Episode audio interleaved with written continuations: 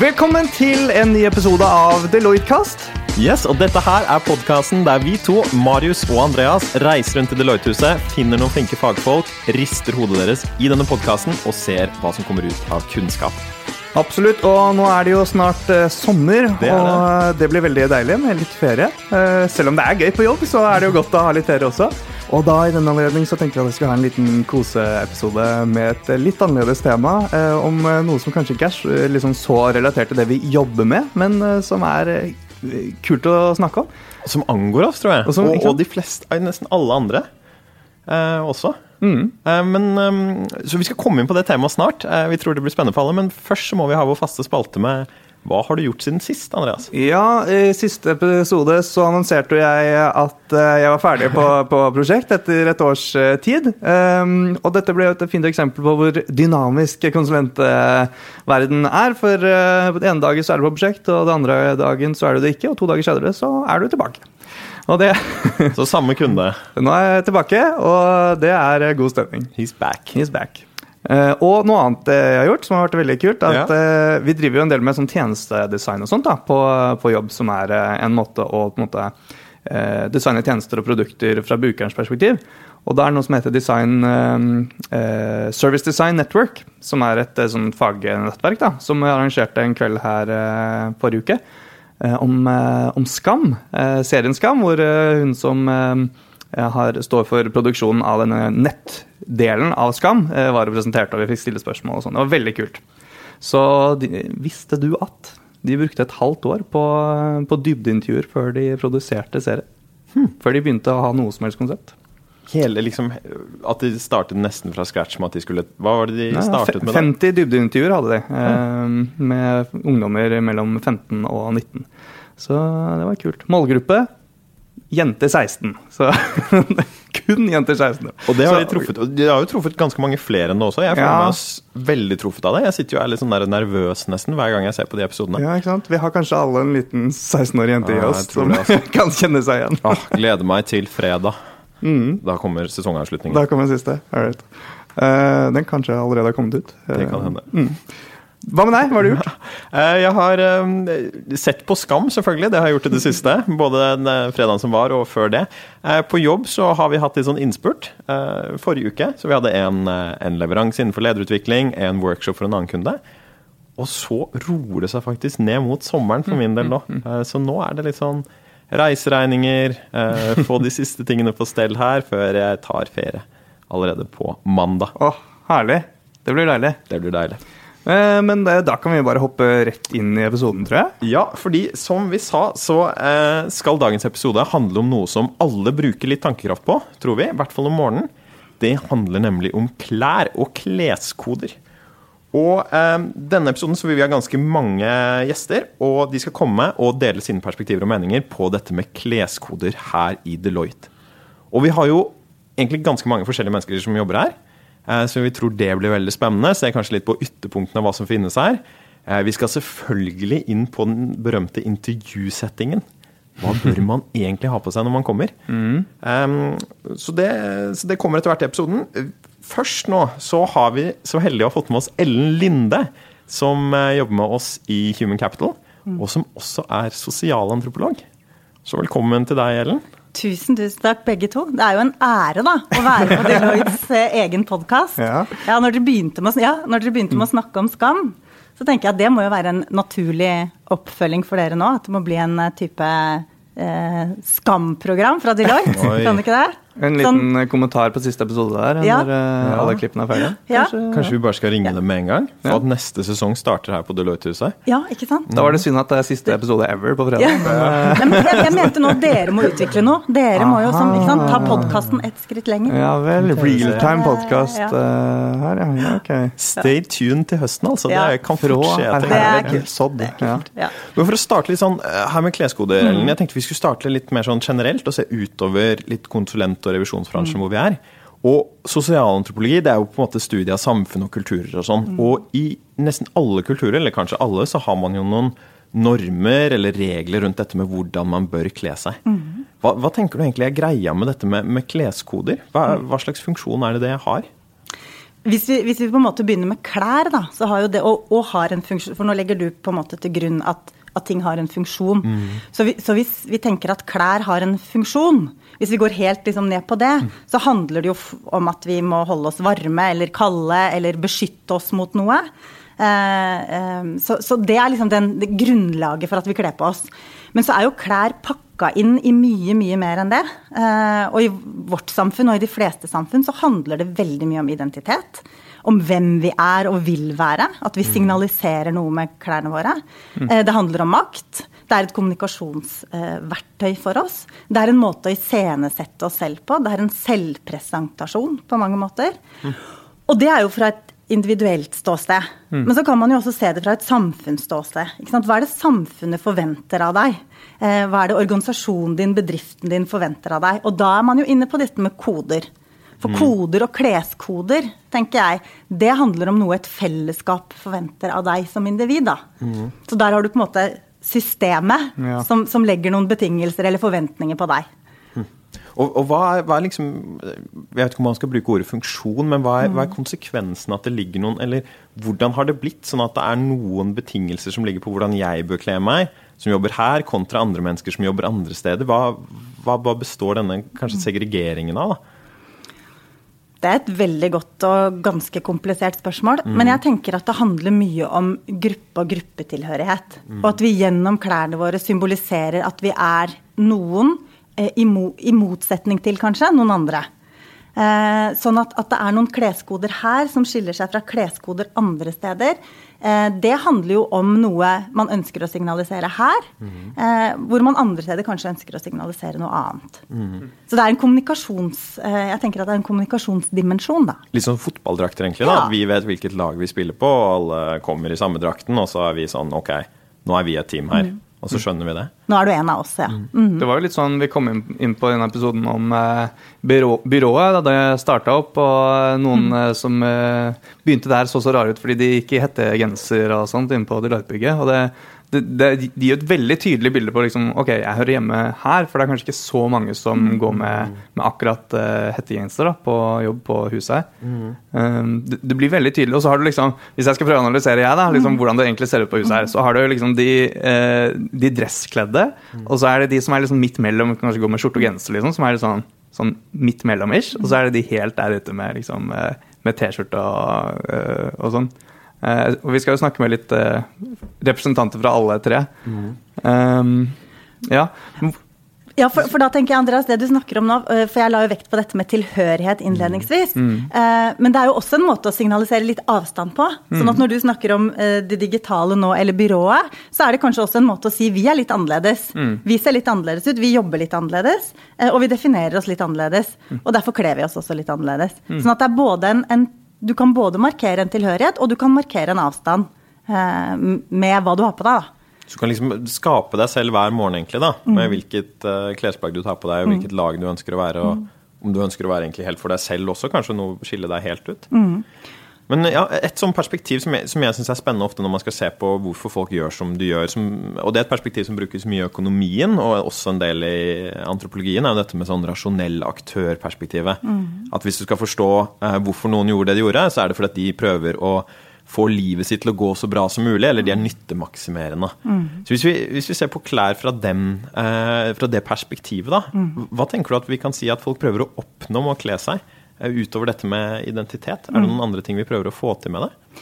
Ja, et, et sånt økonomisk eh, eller, eller, rasjonell inngang til det eh, tror jeg er veldig eh, stiller jeg meg kanskje litt spørrende til. Ja. fordi at jeg tror det handler om dypere ting. Jeg tror det handler om det at vi vil til Altså en tilknytning, en, en, en tilhørighet til noe.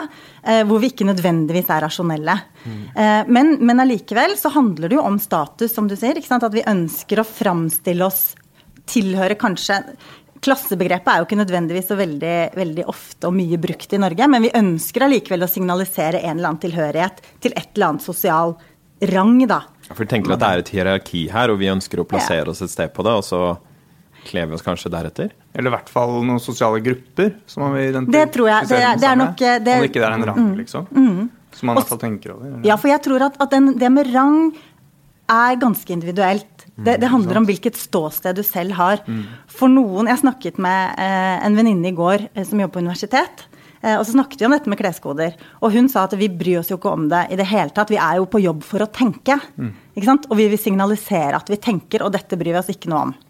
Sånn at, at eh, der kan jo det gi status. Der kan jo det være eh, Altså kommer du da i dress og slips, så, så skaper du på mange måter en, en avstand, da, eller definerer deg ut. Mm. Så, så, hva som er status i ulike sosiale grupper, det er veldig, veldig forskjellig, tenker jeg. Mm. Mm. Så noen steder så viser stat, eller dressen kanskje at her, her, prøver du å ta det alvorlig, og at du kan mye, mm. mens andre steder vil det signalisere at du egentlig ikke tar jobben din eller tenkningen så alvorlig.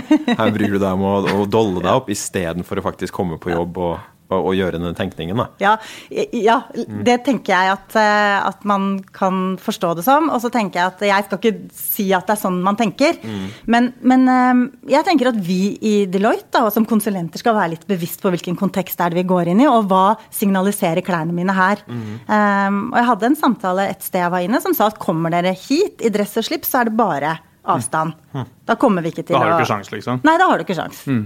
Så, så, det kontekstuelle tror jeg vi skal være ganske bevisst på at Og det er jo spennende med at vi har dresskode, eller kleskode her hos oss. Um, det, det, sier jo noe om at det er noen forventninger fra arbeidsgiver på at vi skal ha en eller annen standard. Mm. Felles, alle sammen. Um, men jeg tenker at i et sånn kundeperspektiv så er det like viktig og faktisk orientere seg mot kunden og ikke, ikke, ikke kle seg helt ut. da. Mm. Ikke definere deg ut gjennom klesdrakt. Verken på ene eller andre måten. Mm. For Det høres det nesten litt ut som Jeg vet ikke om man kan kalle det en spenning. At det er kanskje noe vi opplever som konsulenter. At på den ene siden så ønsker vi å utstråle profesjonalitet, og at vi kan mye. Jeg, jeg tror dressen kommer veldig av et sånt profesjonalitetsperspektiv. At vi ønsker å fremstå som det. Men samtidig så Eh, ønsker vi å være noe som er ganske like kunden, at den, det gapet ikke er for stort. Mm. Er, det dem, er, det det som du tenker at er balansen man, man kjenner på som konsulent, da, eller det man bør prøve å treffe på som konsulent? Ja, det tror jeg. Jeg tror jo at vi på den ene siden skal utstråle dette med at vi er profesjonelle, effektive. Vi er jo på mange måter et produkt. Vi skal mm. selge oss selv. Eh, mm. arbeidsgiver skal selge oss, og arbeidsgiver forventer at vi eh, ivaretar den profesjonaliteten. Mm. Eh, men så er det som du sier, det er viktig at vi ikke skaper den avstanden, at vi ser helt annerledes ut. Det er jo en kjensgjerning at vi identifiserer oss jo lettere med folk. Vi tenker lignende på oss selv. Identitet handler jo om det. Et eller annet speil, da. Uh, og da tenker jeg at du også med klær kan nettopp skape den avstanden. Men kan det være forskjellig avhengig av for Det er jo ikke bare konsulenter på huset her. Uh, kan det være forskjellig avhengig av hvor, liksom, hvor, man jobber. og jeg kan se for meg liksom, Som revisor så er jobben din å komme inn og sjekke at ting er gjort på riktig mm. måte. Og du skal komme i sånn utsideperspektiv og ha litt den avstanden. Mm. Er det derfor vi egentlig ser flere mm, mer dresskledde folk i revisjon? Kan det ha noe med saken å gjøre? Ja, jeg tenker jo at vi tar på oss en rolle alle sammen når vi går på jobb. Vi, trer, vi legger fra oss noe av det private oss hjemme, og så skal vi inn i en rolle. Og da er det jo viktig å ivareta den rollen på en riktig måte. Og nettopp skal man inn og sjekke, så er det jo noe med at det er en form for korrekthet. Mm. Kanskje en form for litt distanse også, mm. hvis du tar på deg dressen og slipset.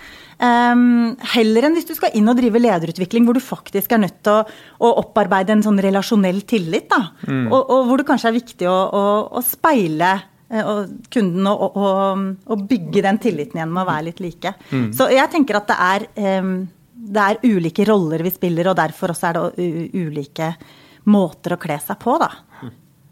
Som eh, for din egen del, Ellen. Når du, når du går på jobb, hva, hva, tenker du om din egen klesstil, og, og, hva du ønsker å utstråle? Det er, ja, ja, det er et skikkelig godt spørsmål. Jeg kom jo fra 14 år i offentlig sektor. Mm -hmm. Og så fikk jeg da tilsendt, før jeg begynte her i fjor, og fikk tilsendt når jeg begynte, den um, informasjonen om Deloitte. Og der står det jo det at vi skal være profesjonelt antrukket i Deloitte. Uh, jeans og joggesko er ikke et plagg i arbeidstiden. Mm. Uh, er den litt utdatert, eller? Ja. Det er standardmail. Jeg føler ikke at Jeg, jeg bryter den hver eneste dag, for jeg går i joggesko, liksom. Ja. Jeg har sett jeans i dag. I dag har jeg gått og telt litt. Ja, da. Ja. Nei, men, men, du spurte jo om hva jeg Og da tenkte jo jeg sånn Oi, tror de ikke at jeg kan kle på meg? Altså, tror de hvorfor, hvorfor har man behov for å sende ut en Selv om dette er jo en veldig løs kleskode. Det er mm. bedrifter og organisasjoner som har mye, mye strengere regler både for negleklipp og smykker og hårsveis og alt mulig. Ja. Så, så det er jo ikke spesielt strengt. Men allikevel så, så kjente jeg på en sånn Hvorfor det? Hvorfor trenger de å si fra hva jeg skal ha på meg? Um, og så sier de jo at eh, Eller så blir det jo sagt at det er fordi vi skal være profesjonelle. Eh, men jeg ser jo også på interne arrangementer som vi har, så går det ut dresskoder. Hva- Og, og det er jo, syns jeg, både fra et antropologisk, men også personlig perspektiv, så, så sitter jeg med litt sånn Men tror de, tror de jeg kommer til å gjøre noe feil, eller tror de Ja. Hva, hvorfor det? Hvorfor, eh, hvorfor oppgir man dresskode? Så det med å skape identitet er ikke bare noe vi gjør overfor kunden, det er også noe vi gjør overfor oss selv. Mm. Ja. Vi prøver å, å vise oss litt frem for oss selv på en eller annen måte. da. Kanskje Det- både som enkeltmennesker, men også som gruppe. Det syns jeg er veldig morsomt at du sier. Fordi at jeg snakket med en kollega, eh, eller en, en jeg traff på en samling, som sa det at eh, som også kom fra offentlig sektor, og så snakket vi om dette med dresskoder og påkledning og hvordan vi vurderte det. Og så sa hun at jeg jobber nesten utelukkende mot offentlig sektor, sa hun. Um, og opplever at, at eh, jeg må pynte meg for å gå på Deloitte-huset.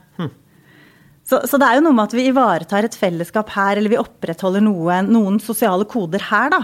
Som, som ikke nødvendigvis er de samme som vi gjør eh, ute hos kundene. Så noen ganger så er det jo akkurat den effekten det får. Men du, har du da, sånn som jeg hører, så er det en, en litt annen kleskode her enn det var hos din tidligere arbeidsgiver. Har du, Kler du deg annerledes, og, og føler du at det påvirker deg? Um, Gjør jeg famler ja. litt, rett og slett. Jeg. Ja, Ja. Unnskyld, nå avbryter jeg deg. jeg, jeg synes egentlig, og der har jeg jo, Det er jo en kjønnsdimensjon som vi ikke har vært inne på. Mm. Fordi det, det tenker jeg at er um, eh, litt Jeg syns det er litt mer utfordrende. Jeg tror i hvert fall det er litt Mm. mer utfordrende å være kvinne. Eh, det er noe med å Man kan liksom ta på seg en dress. Nå, har, nå sitter dere begge dere to uten dress her, da. Genser og skjorter. Mm. Eh, men da er, man, da er man liksom passe. Da er man trygg i fleste settinger. Du er settinger. veldig altså. trygg i alle settinger, ja. Og den syns ikke jeg er så lett å finne. Hvordan er jeg trygg både her og, og der? Ehm, så, så Men samtidig ja. så står man jo mye friere. Da. Jeg snakket om eh, med noen at uh, Fordi jeg kan ikke gå i T-skjorte, liksom. Det er ikke sjans. Men jeg har sett jenter i det som tilsvarer en slags T-skjorte eller lignende. Liksom, eh, ja, noen eller kjole. ikke minst kan vi ikke gå i sånn. skjørt. Altså, Når det er varmt om sommeren, jeg blir så misunnelig på det med skjørt. Altså, Ja. det var Kan ikke gå kanskje litt shorts. avsporing. For shorts er faktisk ikke helt innafor, tror jeg. Nei, nei, det går ikke. Jeg har sett Vi kan i dag, ikke vise dere. Jeg har knærne. sett shorts i dag. I dag, for nå er jeg, I dag har jo jeg vært ekstremt opptatt av kleskode, så jeg har Ja. sett en shorts i Deloitte i dag. Jeg sier ikke hvor, men jeg har sett det. Oi, dramatisk Ja. Wow. Men, men dette er spennende, fordi vi, i hvert fall hvis vi går tilbake litt til antropologien, da, så er man jo, gjør man ofte et skille mellom natur og kultur. Og natur er jo på en måte det, det ubearbeida. Eh, Det, det ja, det naturlige, ikke sant? Og, og, jo, og så har du sivilisasjonen eller, eller kulturelle, altså det at vi blir sosialisert inn i noe. Så tar du ut avstand mot, eh, mot natur. Og jeg tror at på jobb så vil vi ikke ha for mye natur. Så vi vil ikke ha for mye shorts. Skjørt, av, av en eller annen grunn da, så blir det, er det greit med skjørt, men ikke med hårete mannelegger. Og det er greit med åpne sko, tror jeg, for damer, men helst med litt sånn fine tær. Eh, så, så det må ikke være for mye natur, ikke sant? Det må være litt sånn eh, det må være, Naturen må være eh, sivilisert, og den må være litt sånn pynta på. Så er det greit. Men blir det for mye natur, så, så rygger vi. Så hårete mannebein og åpne sandaler på menn og sånn, det, Det blir liksom litt for på hjemmebane. For, For på hjemmebane. Ja, da er du for i det private, og så for mye i naturen, naturen tror jeg. ja. Jeg tror den der misunnelsen går begge veier, egentlig. Ja, det- For Dere snakket om det der med at uh, kanskje det, enkl det enkleste å være mann, og så er det friheten for, eh, Ja. for damer også. Jeg, jeg tror vi kommer litt innom det senere av dagen også. Vi skal Mm. både ha kvinnelige og mannlige gjester som kommer her og deler uh, sine perspektiver. Og vi skal grave litt, i- Vi får jo besøk uh, av Maria fra HR også, så vi må grave litt i den her statementen i brevet Ja. der. Ah. Gjør Og se om hun har noe med den å gjøre. Det blir Og, og spør om den er utdatert. Ja, Jeans og joggesko. Ja. Mm, det fins jo veldig dyre, veldig fine jeans. vi gjør Så- det. Ikke sant? Og plutselig er du en kunde med jeans. Ja. Hva gjør du da? Hva gjør du da?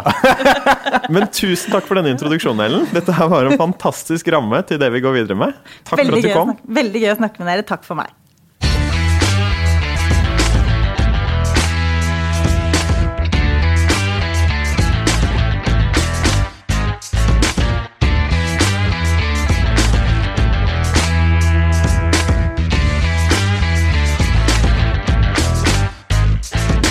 Da sitter vi her med Tor Eivind og André. Og disse to gutta kommer fra to eh, ganske forskjellige deler av eh, Deloitte-systemet. Um, og det ser vi allerede på klesstilen.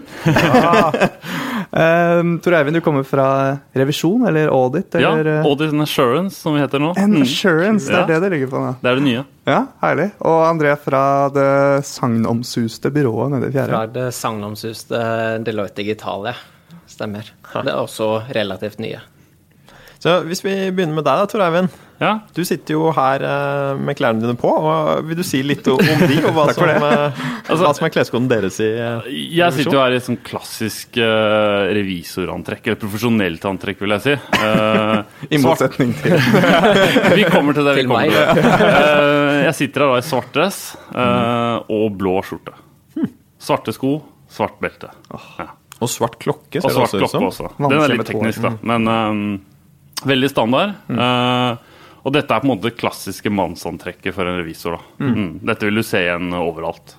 Og, og det er faktisk sånn, så hvis vi fyker ned til 9. etasje, der hvor revisjonen sitter, så er det sånn dere kler dere. Det er sånn vi kler oss. Altså, du har jo litt, Noen kjører litt kanskje en mørkblå dress, en grå dress av og til. Eh, brune sko. Ikke for ofte. Eh, det er lov å ta av seg jakka eh, når man sitter ved pulten, Eh, men det er ganske standard for menn. Mm. Og er det da innenfor dette dress, er det da shades of grey der, eller er en dress Ja. en dress? Eller Nei, altså, du, du, har litt, du har litt valgmuligheter når det gjelder sånn uh, nyanser da, på dressen. Mm. uh, men det er viktig at det er en, en, en dress, altså. Ja. Mm. Er brand viktig? Bra, eh, altså for noen, er, Vi har liksom en sånn to-tre stykker som kanskje er litt opptatt av det, men jeg tror revisor flest er praktisk anlagt. Altså. Og dress er på en måte er som en, en, et arbeidsantrekk. Liksom. Det slites jo ned. Mm, mye tøff revisjon.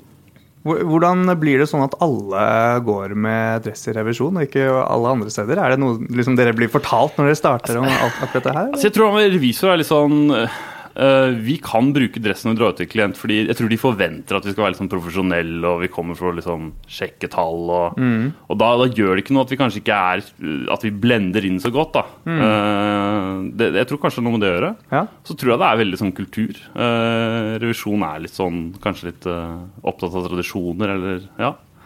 Så, men jeg tror det handler om å virke profesjonell. Ja. Ja. At folk ikke skal få noe eh, spesielt inntrykk av deg basert på klesstilen. Det er liksom sånn, Her Ja. kommer en revisor. Og du skal være objektiv. Du, Ikke sant? du er på en måte ikke en person som kommer og gjør en revisjon. Du er Deloitte. Du Ikke er en. Ja. en Mm. enhet i seg selv. Det var litt av det vi snakket om i stad med Ellen også, at det handler om å skape en viss avstand, faktisk. Ja, ja, En profesjonell avstand. Ja, en slag, men jeg, jeg er ikke så opptatt av avstand. Jeg tror det er mer bare det at man ønsker å bare fremstå profesjonell. Mm. Og folk, eh, jeg tror folk kombinerer altså I hvert fall innenfor eh, regnskap og revisjon, så profesjonalitet og svart dress og blå skjorte, jeg tror det henger bitte litt sammen. Mm. Så da, André, her sitter du. Du har ikke tatt på deg dressen din i dag. Jeg er eh, aldri profesjonell. Du har totalt uprofesjonell. Ja, hva, hva tenker du at, hva har du på deg? Kan du beskrive det først til, til lytterne våre? Nei, jeg vil jo si at jeg også har på meg en blå skjorte, eh, sorte sko, uh, sort belte. Men, Bare en eh, litt annen form på det. Så det er jo en men buksa er litt annerledes. Buksa er litt, litt rød nyanser. Ja. Jeg vil jo si at den skjorta kanskje ikke hadde passet til en revisjon, men det, er to, det er to ulike blåskjorter. Og de skoene, er det sånne Det er Nike Free, som selvfølgelig er byråsko nummer Det én, er, er det ikke det? det er våre type bunadsko, ja. Det er Nike, Nike Free. Det er det man må ha på. Nei, det er vel en eh, Hva skal jeg si? Det er vel en del eh, sånn eh, casual Friday every day-type antrekk. Det er egentlig hvordan man beskriver stilen i Deloitte Digital. Ja, uh, casual Friday uh, vil jeg ikke beskrive det som, men uh, det er vel helt normalt hverdagsantrekk. Hva, hva tenker du når du hører det som Tor Eivind sier her, om profesjonalitet og, uh, og, og kleskode og sånn? Helt feil. Nei, ja. Nei, eh, jeg ser jo den helt klart. Eh, Vi har jo liksom to forskjellige målgrupper vi server. Mm. Og da må man jo kle seg deretter, tenker jeg. Eh, Så det tenker jeg bare, bare bra. Hva slags målgruppe er det som på en måte er annerledes fra en Nei, bare for å dykke litt inn i det der eh, profesjonell avstand-begrepet, da. Jeg likte det ganske godt. eh, Hvor vi eh, er veldig opptatt av å jobbe veldig tett med kunden. Vi ble nettopp ferdig med en co-creation sprint, hvor vi har sittet sammen med kunde i åtte timer hver dag i en uke, eh, laget ting sammen. Da skal det typisk ikke være noe avstand. Eh, vi inviterer dem inn hit. Det skal være litt kulig. Det skal være eh, ja, dressen av, eller ikke helt av, men eh, i hvert fall dressjakka av. Vi skal bare lage noe kult sammen. Ikke noe avstand i det hele tatt.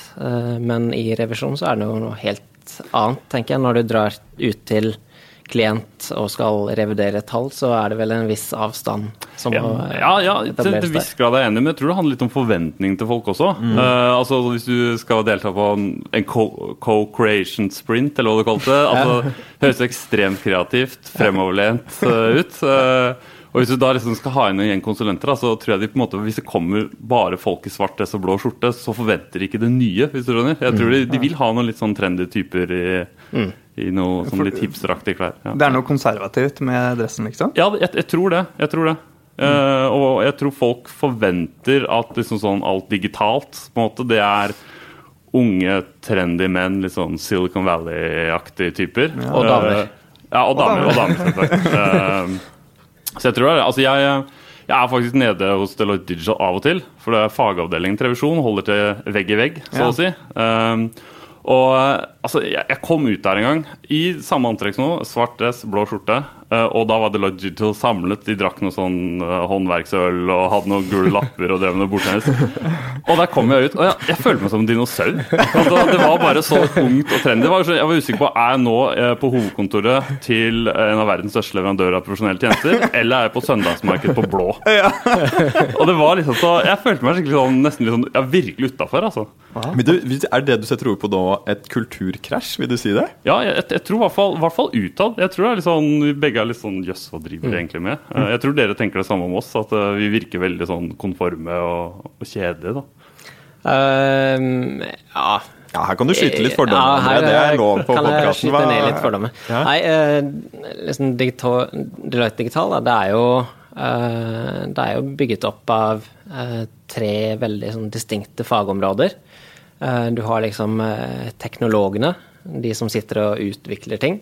Og så har du designerne, de som sitter og lager eh, eh, lager det slik at det ser eh, veldig bra ut, Altså henger på greip med profil osv.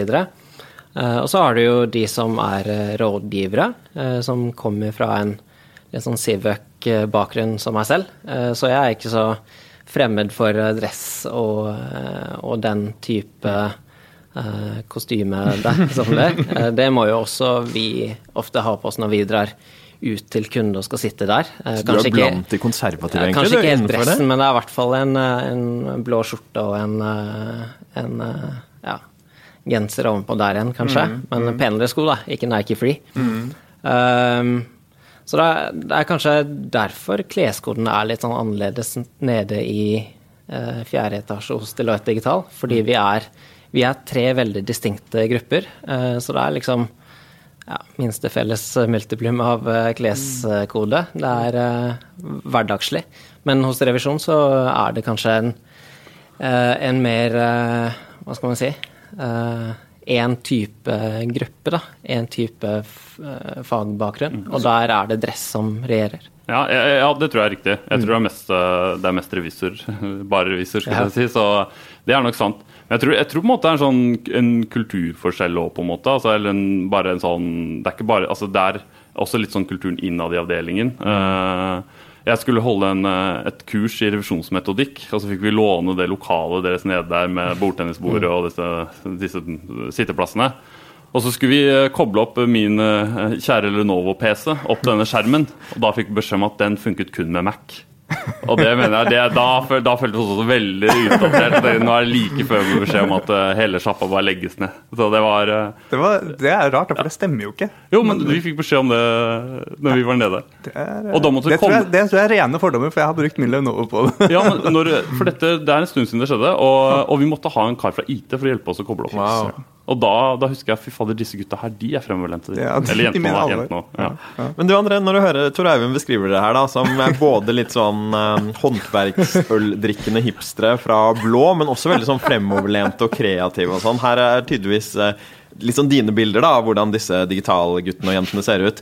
Hva er, det, hva er det du tenker hvis du skal beskrive din stereotype av eh, gjengen som er på revisjon? Som dere ser tvers over eh, gangen for dere hver dag på, fra studio? Ehm, nei, jeg tror om du hadde spurt en ren liksom, designer, så hadde du fått et helt annet svar. Ja. Uh, for jeg kommer jo fra en uh, bakgrunn og en skole som, uh, som dyrker frem disse veldig pene dresskledde mennene og kvinnene. Du er egentlig en av oss, liksom? Jeg er en av dere, eh, bare kamuflert. Eh, Hva ville en designer sagt, da? Hvis, det, hvis du skulle prøve å finne fram den som er kanskje mest Nei, det er vel ultraprofesjonell, uh, veldig seriøs.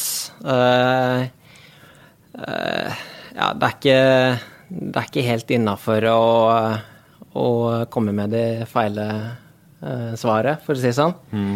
Eh, ting må være veldig på stell. Eh, sånn er det jo ikke nede i eh, fjerde. Der, eh, Der prøver- der prøver vi å feire feiling så lenge vi lærer av det. Eh, vi skal være litt gale.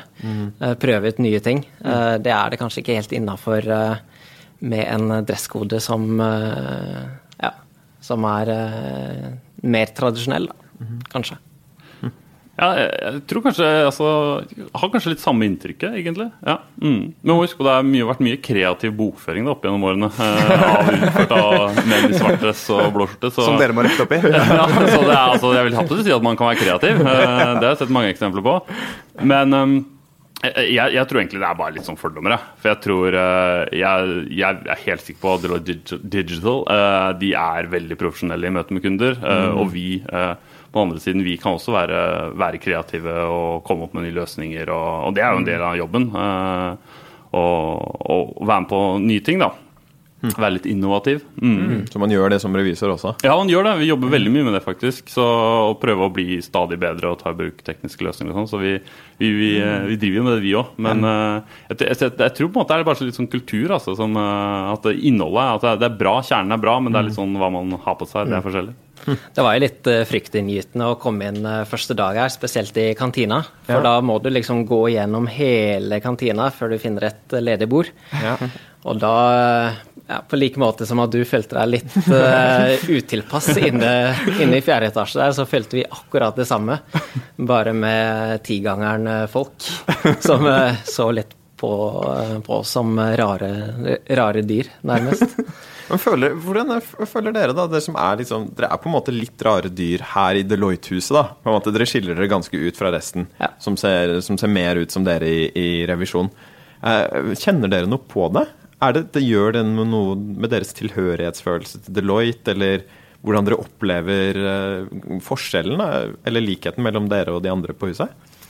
Um, nei, det var vel, eh, som jeg sa, det var vel litt fryktinngytende helt i starten. Men eh, man blir jo vant til det. Og dere blir jo vant til å se eh, oss med joggesko og, eh, og skjorta ut på eh, buksa. Mm. Ikke like gå- mange sånne blikk nå lenger, vil jeg tro. Nei, og det har jo løsna seg opp litt eh, hos de andre avdelingene her òg. Jeg tror definitivt at dere har hatt, eller jeg vet dere har hatt en påvirkning, inkludert på meg selv. At uh, det er noe med at åh, nå, kan vi, nå kan jeg slippe opp litt. Nå trenger jeg ikke eh, alltid ha på en, en perfekte hvite skjorta, liksom, eller en blå skjorte. Jeg kan ta på meg en litt eh, rutete, jeg kan ta på meg noe litt mer casual. Og det, det tror jeg sprer seg litt òg, og det tror jeg er fint, det. For, så man kan passe seg inn litt i den man ønsker å være. Og det er jo eh, personal branding òg, for så vidt, som eh, Eh, vi var litt inne på det med, med Ellen også. Liksom, hvordan vil du fremstå? Hva, eh, ikke sant? Hvilket inntrykk vil du at folk skal sitte, der, sitte igjen med? Sånt? Er det noe du tenker på også, André? Ja, det er vel litt relatert til det Tor Eivind sier om eh, forventningsstyring overfor mm. klienter. Eh, hadde klienten vår som kom til en co-creation sprint her tirsdag forrige uke, eh, møtt fire personer eh, som er eh, dresskledde, så hadde det ikke truffet helt forventningene. Mm. ja, så jeg er ganske enig i den personal branding og Ja. ja, Men en ting jeg lurer på, da, er jo egentlig til deg, Tor Eivind. For det Ja. snakker om at når dere er på jobb, så er det på en måte Det er litt sånn streit, eh, det skal være ordentlig, eh, litt konservativt og sånn. Ja. Hvordan er det når revisorer drar på fest? Tar dere med dere den, eller snus alt opp ned da? Nei, altså, altså Av og til så får jeg helt sjokk jeg, når jeg ser kollegaer i, i det jeg kaller sivil. Det er altså så, det er akkurat som et annet menneske, på en måte. Eh, så det, altså, på, på fest så kan man se altså, Da føler jeg jeg ser mye rart, da. Eh, men folk kler seg jo fint, det er ikke det, men det er bare så Det føles rart. Ja, ikke sant. Altså, se for deg en fyr du har sett, eh, kanskje en av partnerne, da, som kanskje ikke har vært med på så mange fester, men så plutselig så ser du han liksom i byen på en lørdag ikledd vanlige klær, og du har aldri sett han ikke i dress. da. Det er bare helt sånn merkelig. Altså, tenk, Jøss, han lever et helt vanlig liv uten dress på en måte ved siden av. Og det- Han sjekker ikke tall på Nei, fritiden, ja, ikke sant? liksom? Ja, Han har familie, kanskje. Da. Det er ganske spesielt å se. Så, um, så det, det blir det blir sånn stor forskjell. Man, man, føler, er sånn- man, man føler seg veldig off da, når man tar av seg dressen og henger med kollegaer i sivilt. Så du merker det på deg selv også? Det gjør noe med, med hvem du er, og når du tar av deg dressen og inntrer det sivile? Jeg, jeg føler meg litt mer sånn eh, lett og ledig, da. Ja, Ja. Litt mer lettere på foten, egentlig. Ja, så derfor har jeg stort sett på dress da på jobb. Konklusjon. altså når, eh, det, det er litt sånn I revisjon er det litt akseptert å F.eks. på en fredag, da hvis du skal eh, på fjellet, eller sånn, så kan du gå litt lettere kledd. Men da må du regne med sånne kommentarer som ja, 'Har du begynt i IT-avdelingen?' eller kanskje Deloitte Digital framover nå, da. Så det er mye spøking med det. da Man får kommentarer ved kaffemaskinen hvis man ikke er korrekt antrop. Det er litt selvironi på det også. på Ja, ja, absolutt. absolutt ja. Ja, man blir jo forskjellig behandla avhengig av hva man har på seg også. Vi skal runde av nå straks. Men jeg syns det var bare assosiere til min eh, forrige sjef her, eller vår forrige sjef eh, på, på huset her, som eh, skulle ut, han fortalte meg han skulle ut og kjøpe gitar til sin sønn. Og da dro han rett fra kontoret i full dress og skinnende sko og var råflott. Og du får en helt annen behandling på en musikkbutikk når du kommer inn med dress der, eller om du kommer i sivil. Og han hadde selvfølgelig null peiling. Så han fikk veldig god hjelp, da. Men jeg tror vi må avslutte denne runden nå. Eh, Jeg må bare tusen, eller takke eh, for at dere to ville komme og prate med oss. Veldig hyggelig. Veldig hyggelig. Tusen takk, for at dere kom.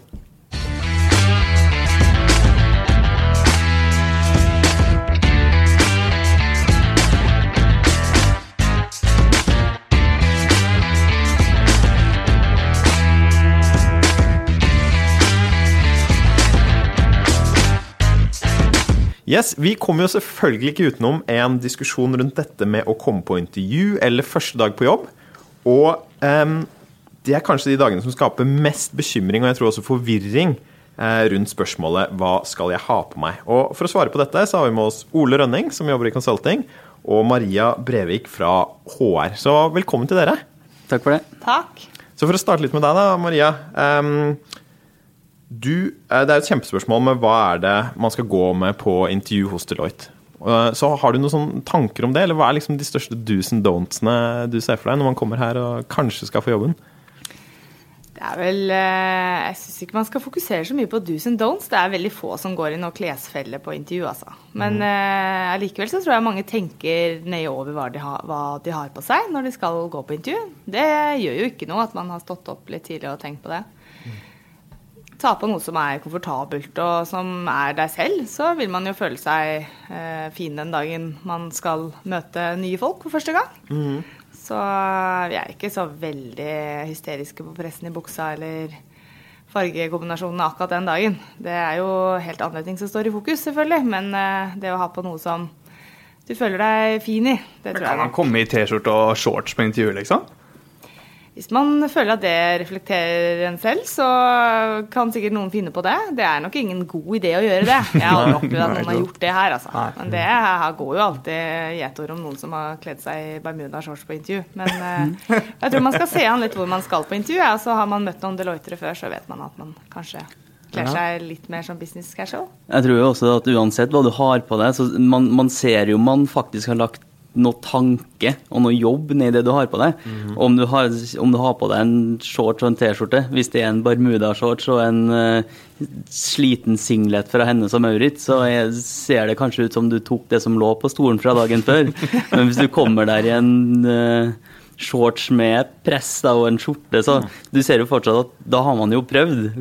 Og jeg tenker at det må jo bety noe. At de faktisk lagt ned en innsats um, i å finne ut hva man skal ha på seg den dagen. Absolutt. Noen ønsker jo å fortelle en historie med det de har på seg også. Det er jo, andre er ikke opptatt av det og tar på seg noe som virker passende. Men eh, vi må jo også ha rom for eh, de som ønsker å være annerledes i klesveien. Uten at det går helt over styr, selvfølgelig. Men noen ønsker å, å pynte seg litt ekstra, eller vise noe annet gjennom klesstil. Da. Vi har, vi har tatt med deg, Ole, litt fordi vi ser på deg som en litt sånn um, uformell ekspert egentlig på dette med klesstil. Vi ser jo egentlig ganske opp til klesstilet her, og det, det snakkes jo av og til om, i gangene om, eh, om hvordan Ole Rønning kler seg. Eh, Det ble til og med nevnt nå etter intervjuet med Tor Eivind og, Ja, fra sant revisjonen her i stad. Altså, Ja, vi, vi snakket om hvem vi skulle snakke med etterpå. Ja, det var Ole, da. Ja, ja, ja, han, han har jeg merka meg. Så, ja, han, eh, så det står på lista der, da. Du er Ja, er hyggelig, da. Ja, ja. Men kan ikke du beskrive litt eh, klesstilen din eh, for oss? Um, beskrive Jeg min er egentlig ganske klassisk. Ja. Um, jeg går som regel i eh, helst blå eller grå dress på jobb, med en hvit eller lysblå skjorte og et slips. Um, grunnen til at jeg gjør det, er vel det at jeg, jeg setter pris på det å kle meg pent. Jeg synes, og my, mye av det pga. at jeg har en interesse for klær selv. Eh, som Maria sa i stad, så det er ikke noe sånn at jeg ønsker ikke å nødvendigvis å fortelle en historie med hvordan jeg går kledd, men det er en interesse for meg, og jeg, setter liksom, jeg syns det er morsomt på morgenen da, å stå og kle på meg og synes at det ser pent ut. Hm. Så det var ikke sånn at du kjøpte dress først når du fikk eh, tilslag på eh, jobben i Deloitte? Nei, jeg hadde vel et par tester fra før, men det var jo også sånn at man hadde ikke veldig mange anledninger til å gå i dress tidligere, så antallet dresser i garderoben har jo økt litt. Eh, Men det var vel mer sånn som da jeg gikk på skolen også, så gikk jeg nok mer i pen bukse og blazer enn det andre gjorde, men litt ivrig å komme i dress på skolen, kanskje. Skjønner. Hvis du tenker tilbake på, på intervjuet ditt, da, for å, for å spinne litt videre på den, husker du hva du hadde på deg da? Eller og hva slags, kanskje også litt sånn hva slags tanke du la i, i det antrekket? Ja, jeg tror egentlig at jeg vet ganske nøyaktig hva jeg hadde på. Eh, det, var- det, var, det var en mørk blå dress og en hvit skjorte med mansjettknapper og slips. Ja. Og så et par pene sko. Um, det var, der var det igjen det at jeg hadde lyst til å se pen ut når jeg kom på intervju, men så var det den der Jeg la litt ekstra Jeg valgte skjorte med mansjettknapper for å vise at her har jeg lagt ned en innsats. Um, jeg ønsker at Deloitte skulle se at her har vi en som virkelig ønsker jobben. Um, om det har noe å si for den som holder intervjuet, det må gudene vite. Men jeg følte meg i hvert fall ekstra komfortabel og visste at jeg hadde gjort det jeg kunne gjøre da, for å få, potensielt få jobben. Så uttrykke motivasjon, egentlig, da, litt mellom klesstil? Ja, litt det. Hva hadde du på, Marius? Husker du det? Jeg eh, mener jeg hadde på dress, jeg også. Jeg, eh, jeg hadde nok et veldig bilde av det at når du kommer på et intervju til Deloitte, så skal du ha på deg dress. Og den skal helst være av de mørke fargene, og skjorta skal enten være hvit eller blå. Eh, så jeg tror nok at det bildet jeg hadde, var at det skulle være ganske A4. Um, og ja. Hva, hva Sånn. tenker du om det, Maria? Den oppfattelsen her, og også de sånn refleksjonene som Ole gjør seg rundt antrekket sitt? Jeg tenker for det første at jeg syns det er fint ja, at eh, de som er opptatt av klær, eh, også syns at det er greit å kunne vise det når man kommer på jobb. Det, det er jo som du sier, du viser jo at du, dette her legger du litt i, og du ønsker å komme forberedt. Og for deg er jo det litt av forberedelsen. Ehm, jeg tenker at uh, igjen, det må være noe som du føler deg vel i, og som ikke gjør at du kjenner at den dagen var dårlig, da. Det er litt kjedelig å stå opp med bustete hår og skynde seg av gårde og ikke kanskje rekke å kle på seg det du vil. Kan ha noe å si med selvfølelsen din i intervjuet, tror jeg. Mhm. Så, um, så det er vel egentlig det jeg tenker om det. Men, eh, men jeg, jeg har faktisk aldri opplevd at noen har kommet i noe som blir s- oppfattet så, så spesielt. Da, at ikke det fungerer å, å gå i det på intervjuet.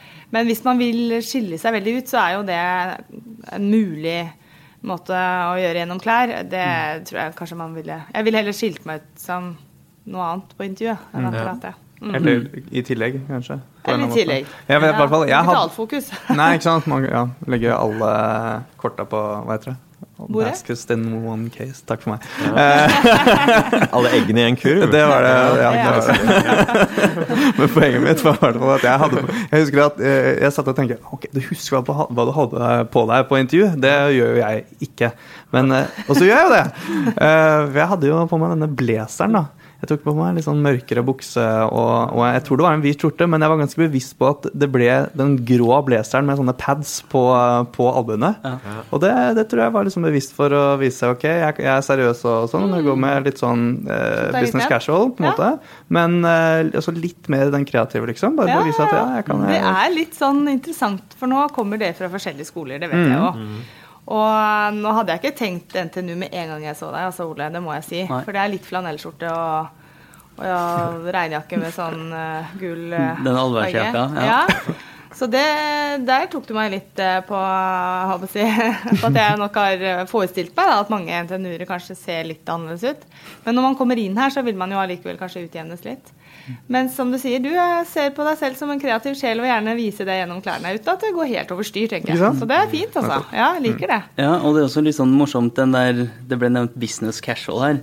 Og det er jo et sånt begrep som kom fra San Francisco på starten av 80-tallet. Okay. Og det er jo Det starta med det at for eh, tidligere på 1900-tallet så var jo ehm, alt, alt skulle være formelt og pent. Selv om man gikk på kino, så skulle man jo kle seg formelt. Og jobb var også formelt. Man, gå, man gikk jo med, med hatt på jobb. eh, Med press i kraven og slips og hatt. Men så dukka jo opp eh, Det skjedde jo noe på 80-tallet som var de der nye teknologiselskapene i San Francisco som dukka opp. Og da ble det mer sånn, sånn som Apple og de gjengen der. De ble veldig fan av 80 timers arbeidsuke. Um, og da fikk man også et litt mer sånn pragmatisk forhold til um, klær. For man, man fokuserte mye mer på resultatet heller enn prosess. For da, da handla det om at folk kunne sitte i kjelleren foran en PC og gjøre jobben sin. Og da sånn, Om man skulle jobbe 80 timer i uka, da var man mye mer pragmatisk. Ja, da var det mer behagelig å sitte i en joggebukse og T-skjorte enn å sitte i dress. Um, og det er nok mye der den starta, den greia med at ting ikke er så formelt lenger.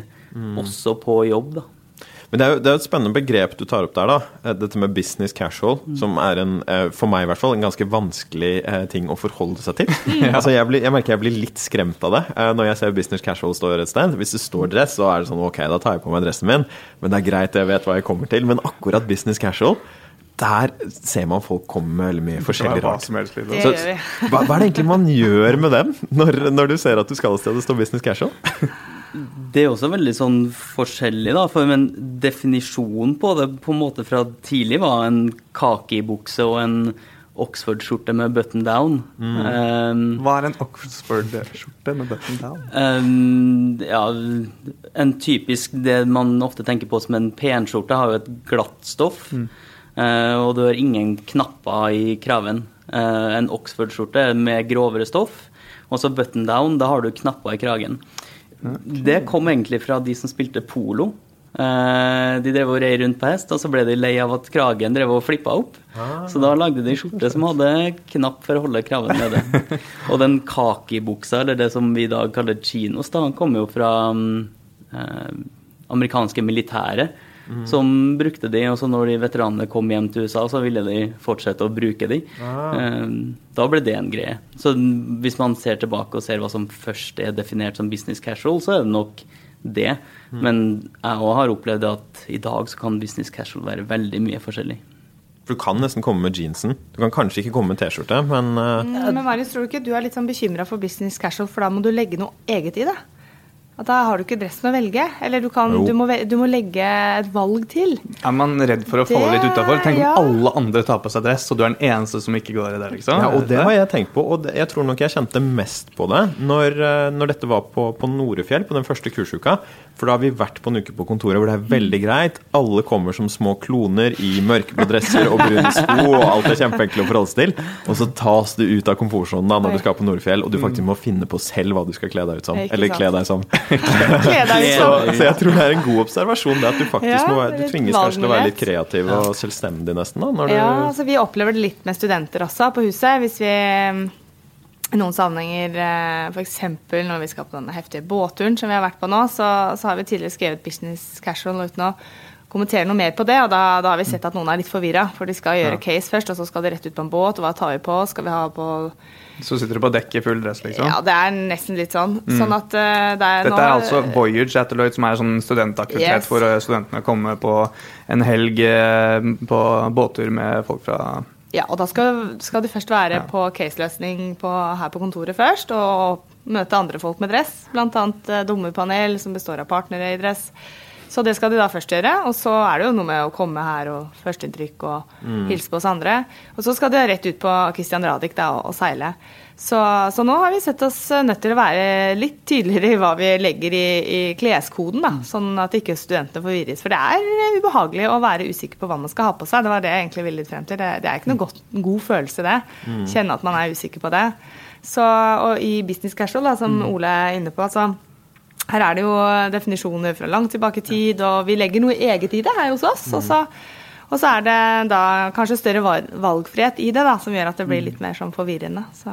ja, for det var jo mm, på business school i USA, så var det jo noen nordmenn som tolka begrepet business casual litt fritt, da, ifølge professoren. De kom jo i chinos også, men de hadde bretta opp buksene, da, for å vise litt eh, hva heter det, ankler uten sokker. Da fikk han ganske streng beskjed om at det her var ikke business casual. Det var ikke holdbart. Som kunne vært helt innenfor et annet sted, plutselig. Ja. Vi, jeg merker jo at vi sitter jo her eh, tre, tre menn og en kvinne, og at vi, vi dras jo i retning av denne dressen, som er jo manneplagget. Ja, Mm. Hva er, det, hva er det man gjør som, eh, som dame hvis man skal ha på seg dress? Eller noe, noe som er i den kategorien, da? Nå, hvis du nevner dressen som manneplagg, så er jo drakten da gjerne et kvinneplagg. Mm.